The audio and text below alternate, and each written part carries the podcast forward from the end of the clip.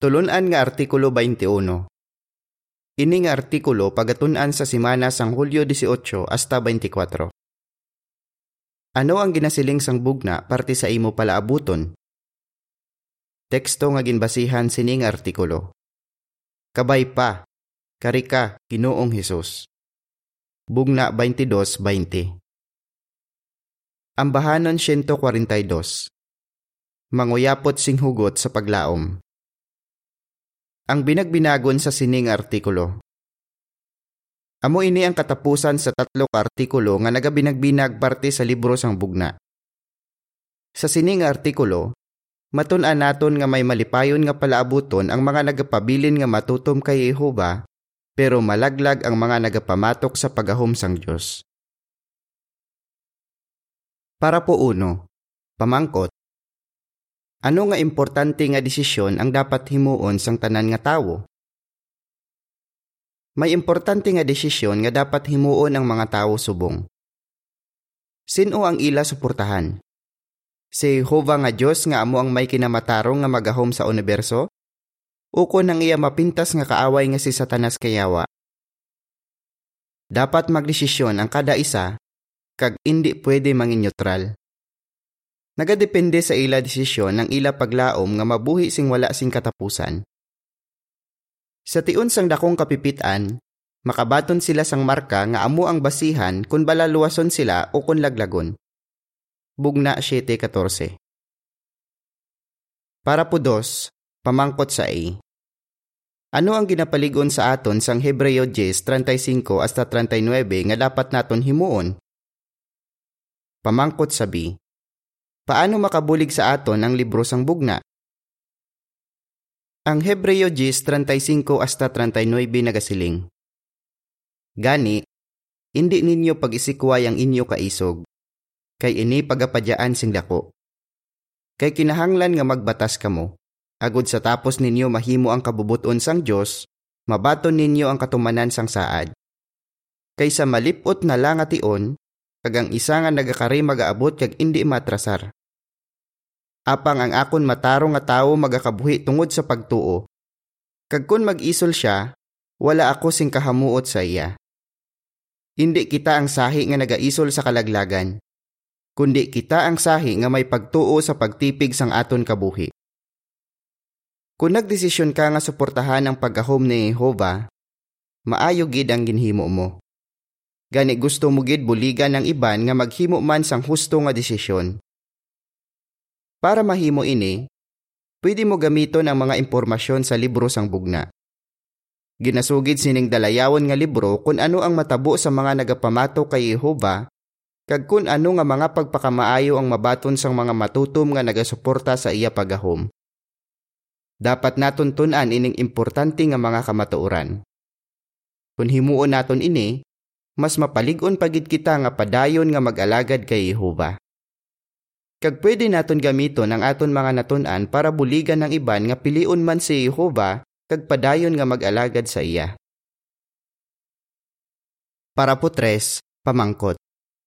Ano ang binagbinago naton sa sining artikulo? Sa sining artikulo, binagbinago naton ini nga mga pamangkot. Ano nga mga pagpakamaayo ang mabaton sang mga nagasuporta sa pagahom sang Dios? Pero ano naman ang matabo sa mga nagasuporta sa mabangis nga sapat nga eskarlata ang kolor nga ginsambit sa libro sang bugna? Ang mga pagpakamaayo nga mabaton sang mga matutom. Para po 4. Pamangkot. Ano nga grupo ang nakita ni Apostol Juan nga kaupod ni Jesus sa langit?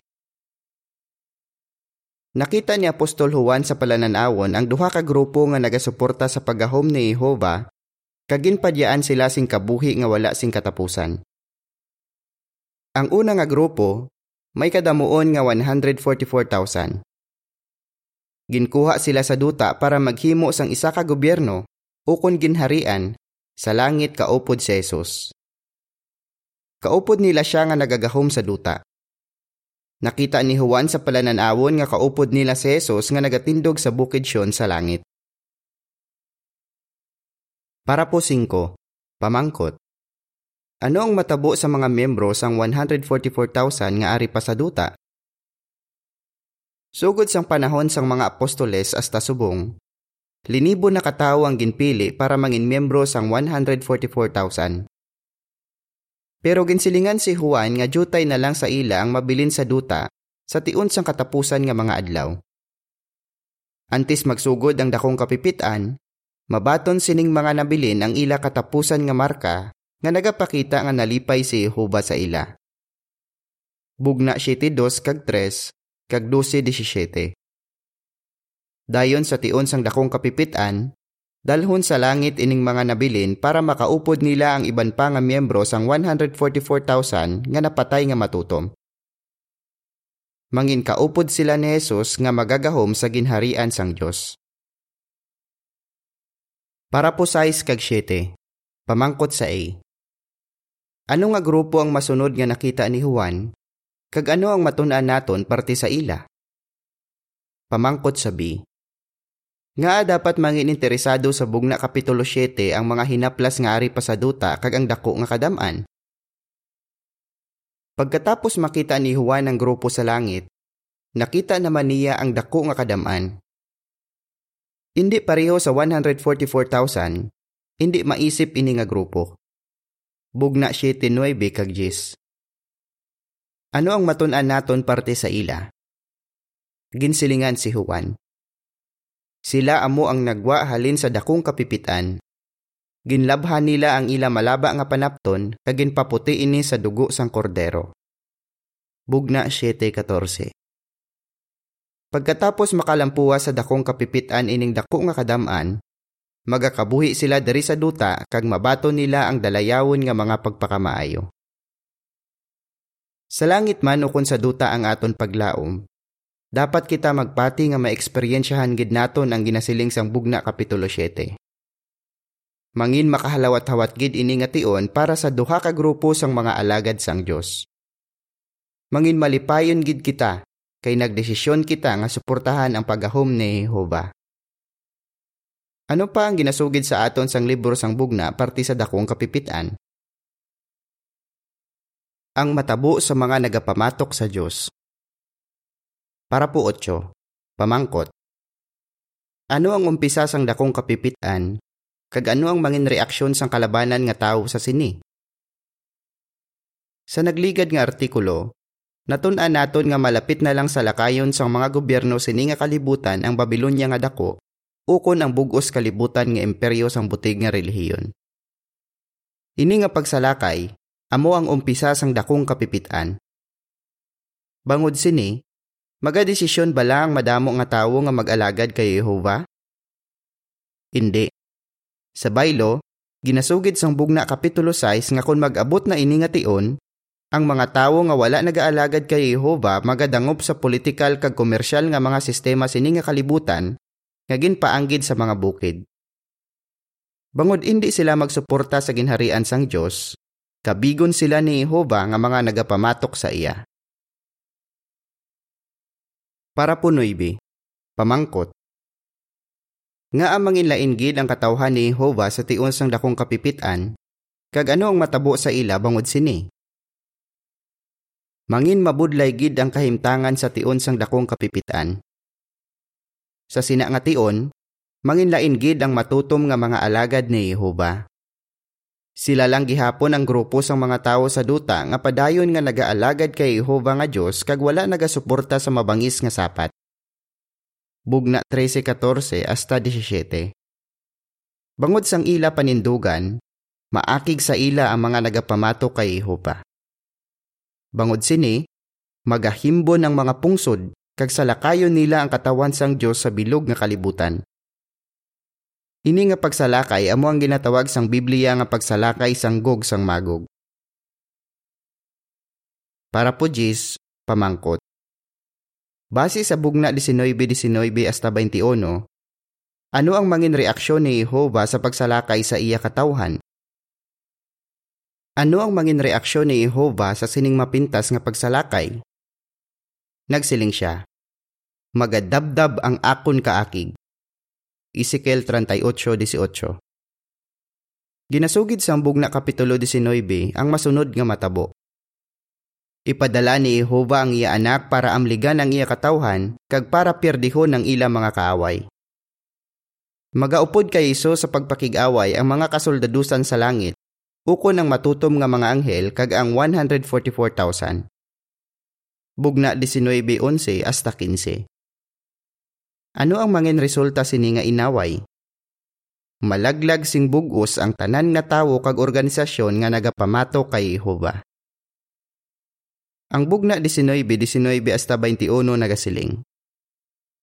Kag nakita ko ang mabangis nga sapat, ang mga hari sang duta kag ang ila mga kasoldadusan nga nagtipon agud magpakig-away sa isa nga nagasakay sa kabayo kag sa iya kasoldadusan. Gindakop ang mabangis nga sapat. Kag gindakop man ang butig nga manalagna nga naghimo sa atubangan sini sang mga tanda nga gingamit niya agud patalangon ang mga nagbaton sang marka sang mabangis nga sapat kag ang mga nagasimba sa larawan sini. Samtang buhi pa, gintagbong sila nga duha sa linaw nga kalayo nga nagadabdab sa asopre. Apang ang nabilin ginpatay paagi sa malaba nga espada nga nagagwa sa baba sang isa nga nagasakay sa kabayo. Kag nabusog sang ila unod ang tanan nga pispis. Isa ka kasal pagkatapos ang inaway. Para po onse, pamangkot, ano ang pinakaimportante nga hitabo nga ginasugid sang libro sang bugna? Imagine ang mabatyagan sang mga matutom sa duta nga makalampuwa sa paglaglag sa tanan nga kaaway sang Dios. Grabe gid ang ila kalipay sa sina nga tion. Magahinugyaw man sa kalipay ang mga ara sa langit kung naglago na ang Babylonia nga dako. Pero may isa pa ka rason para mangin mas malipayon pagid sila. Amo ini ang kasal sang kordero nga amo ang pinakaimportante nga hitabo nga ginasugid sang libro sang bugna. Bugna 19.6 hasta 9. Para po 12, pamangkot. Base sa bugna 21.1 kag 2, san o hiwaton ang kasal sang kordero? San o hiwaton ang kasal? Ara na sa langit ang tanan nga membro sang 144,000 antes ang inaway sa Armageddon. Pero, hindi ini ang tion para sa kasal sang kordero. Ang bugna 21.1 kag 2 nagasiling. Kag nakita ko ang isa ka bag-o nga langit kag ang isa ka bag-o nga duta. Kay ang nahauna nga langit kag ang nahauna nga duta nagtaliwa na. Kag ang dagat wala na. Nakita ko man ang balaan nga syudad, ang bag-o nga Jerusalem, nga nagapanaog halin sa langit gikan sa Dios Napanaptan siya kaangay sang nobya nga nahanda para sa iya palamanhon. Hiwaton ang kasal sang kordero pagkatapos ang inaway sa Armageddon kag nalaglag na ang tanan nga kaaway sang Dios. Para po 13. Pamangkot. Ano ang mangin resulta sang kasal sang kordero? Ano ang mangin resulta sang kasal sang kordero? Ang kasal amo ang nagapaposible para mag-updanay ang isa ka lalaki kag isa ka babayi. Singkaanggid, ang kasal sang kordero amo ang magapaposible para mag-updanay ang hari nga si Hesus Kristo kag ang iya nobya nga amo ang 144,000.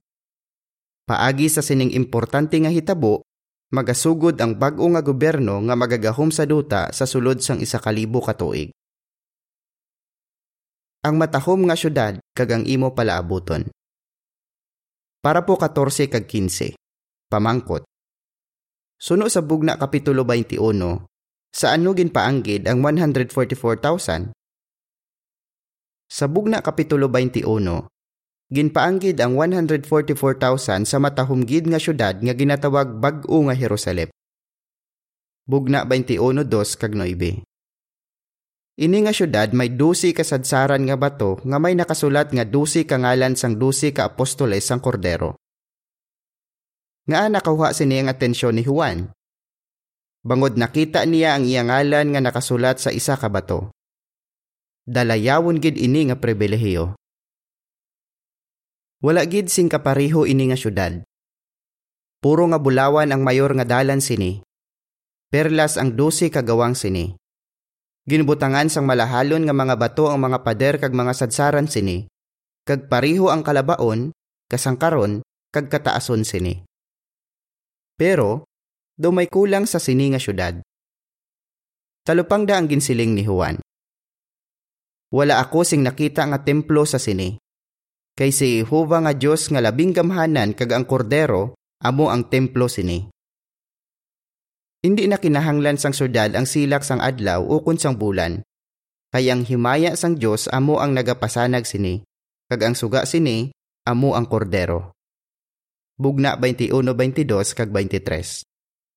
Makaupod sang mga miyembro sang bag-o nga Jerusalem si Jehova. Gani, si Jehova kag si Jesus ang templo sini nga syudad. Ang caption sang picture sa cover nagasiling. Suno sa bugna kapitulo 21, ang simboliko nga syudad sang bag-o nga Jerusalem nagapanaog halin sa langit gikan sa Dios. Sa tion sang isa kalibo ka tuig nga pagahom, madamo gid nga pagpakamaayo ang ihatag sini sa matinumanon nga katawhan. Para po 16, pamangkot, ano ang maeksperiensyahan sang katawhan sa tion sang isa kalibo katuig nga pagahom sang ginharian sang Dios? Nalipay gid ang mga hinaplas nga pamalandungan ang parte sa sini nga syudad. Pero dapat man mangin interesado sa sini ang mga may paglaom nga mabuhi sa duta. Sa tion sang isa kalibo katuig nga pagahom sang ginharian sang Dios, hindi maisip nga pagpakamaayo ang ihatag sang bag-o nga Jerusalem. Nakita ni Juan nga nagailig ini nga mga pagpakamaayo bilang isa ka suba sang tubig sang kabuhi. Kag sa magtimba nga pangpang sang suba, may mga kahoy sang kabuhi nga may mga dahon nga makapaayo sa mga pungsod. Bugna 22, uno kag dos. Ang tanan nga tawo nga nagakabuhi sa sina nga tion, may kahigayunan nga makabenepisyo sa sini nga mga aman.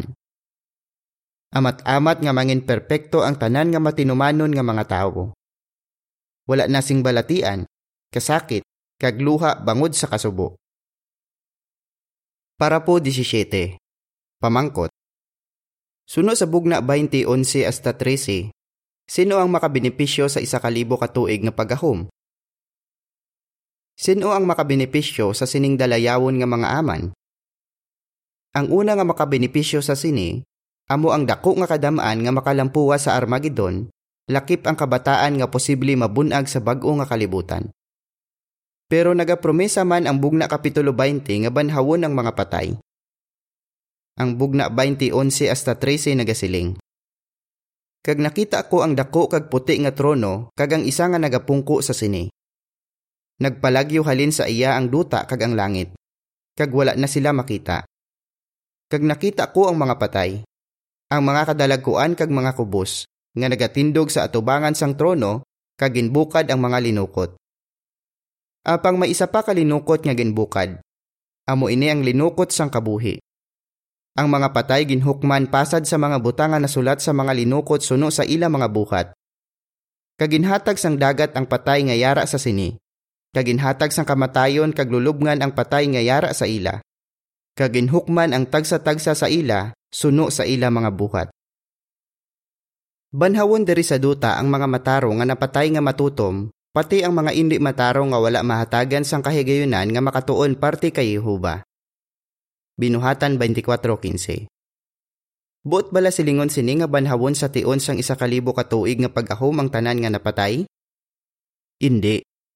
Indi pagbanhawon ang mga tawo nga hungod nga nagsikway sa ginhatag sa ila nga kahigayunan nga mag-alagad kay Jehova antes sila napatay. Ginhatagan sila sang tsansa, pero ginpakita nila nga hindi sila nagakadapat magkabuhi sa paraiso sa duta. Ang caption sang picture nagasiling. Sino ang makabenepisyo sa mga aman nga ginasimbolo sang suba kay sang mga kahoy? Ang katapusan nga pagtilaw. Para po 18. Pamangkot. Ano ang kahimtangan sa duta pagkatapos ang isa kalibo katuig? Pagkatapos ang isa kalibo katuig, mangin perpekto na ang tanan nga nagakabuhi sa duta. Wala na sing epekto sa ila ang sala nga napanubli sang mga tawo kay Adan. Madula na ang tanan nga malain nga epekto sang sala ni Adan. Gani, mabuhi ang mga ara sa duta bilang perpekto na nga mga tawo pagkatapos ang isa kalibo katuig. Bugna 25 Para po 19, pamangkot, nga kinahanglan ang katapusan nga pagtilaw. Kabalo kita nga nagpabilin nga matutom si Jesus bisan pa ginsulay siya ni Satanas. Pero magapabilin man bala nga matutom ang tanan nga perpekto nga tawo kung sulayon sila ni Satanas? Ang kada isa, amo ang magasabat sa sini kung buyan na si Satanas sa kadadalman pagkatapos ang isa kalibo katuig. Ang mga tawo nga magapabilin nga matutom sa sining katapusan nga pagtilaw, makabaton sing kabuhi nga wala sing katapusan kag sing matuod nga kahilwayan. Pero ang mga tawo nga magarebelde kay Jehova, pagalaglagon. Laglagon sila sing bugos o pud sa yawa kag sa iya mga demonyo. Para po 20. Pamangkot. Ano ang nabatyagan mo parte sa dalayawon nga mga tagna sa libro sang bugna? Ano ang nabatyagan mo pagkatapos naton mabinagbinag sing malipot ang libro sang bugna? Hindi bala makalilipay imaginon nga nalakip ka sa katumanan sining dalayawon nga mga tagna? Sigurado gid nga napaligon ka sini nga buligan ang iban para makaupod manaton sila sa pagsimba sa aton Dios sa husto nga paagi. Napaligon gid kita sa aton pagbinagbinag sa mga matabo sa palaabuton. Gani gusto manaton isiling ang ginsiling ni Apostol Juan. Kabay pa, karika Ginoong Hesus. Bugna 22:20 ano ang imo sabat? Ano nga desisyon ang dapat naton himuon subong? Ano ang kasal sang kordero? Ano nga mga pagpakamaayo ang mabaton sang matutom nga mga alagad ni Jehova? Ang Bahanon 27 Pagpahayag sa mga anak sang Diyos Diri natapos ang artikulo.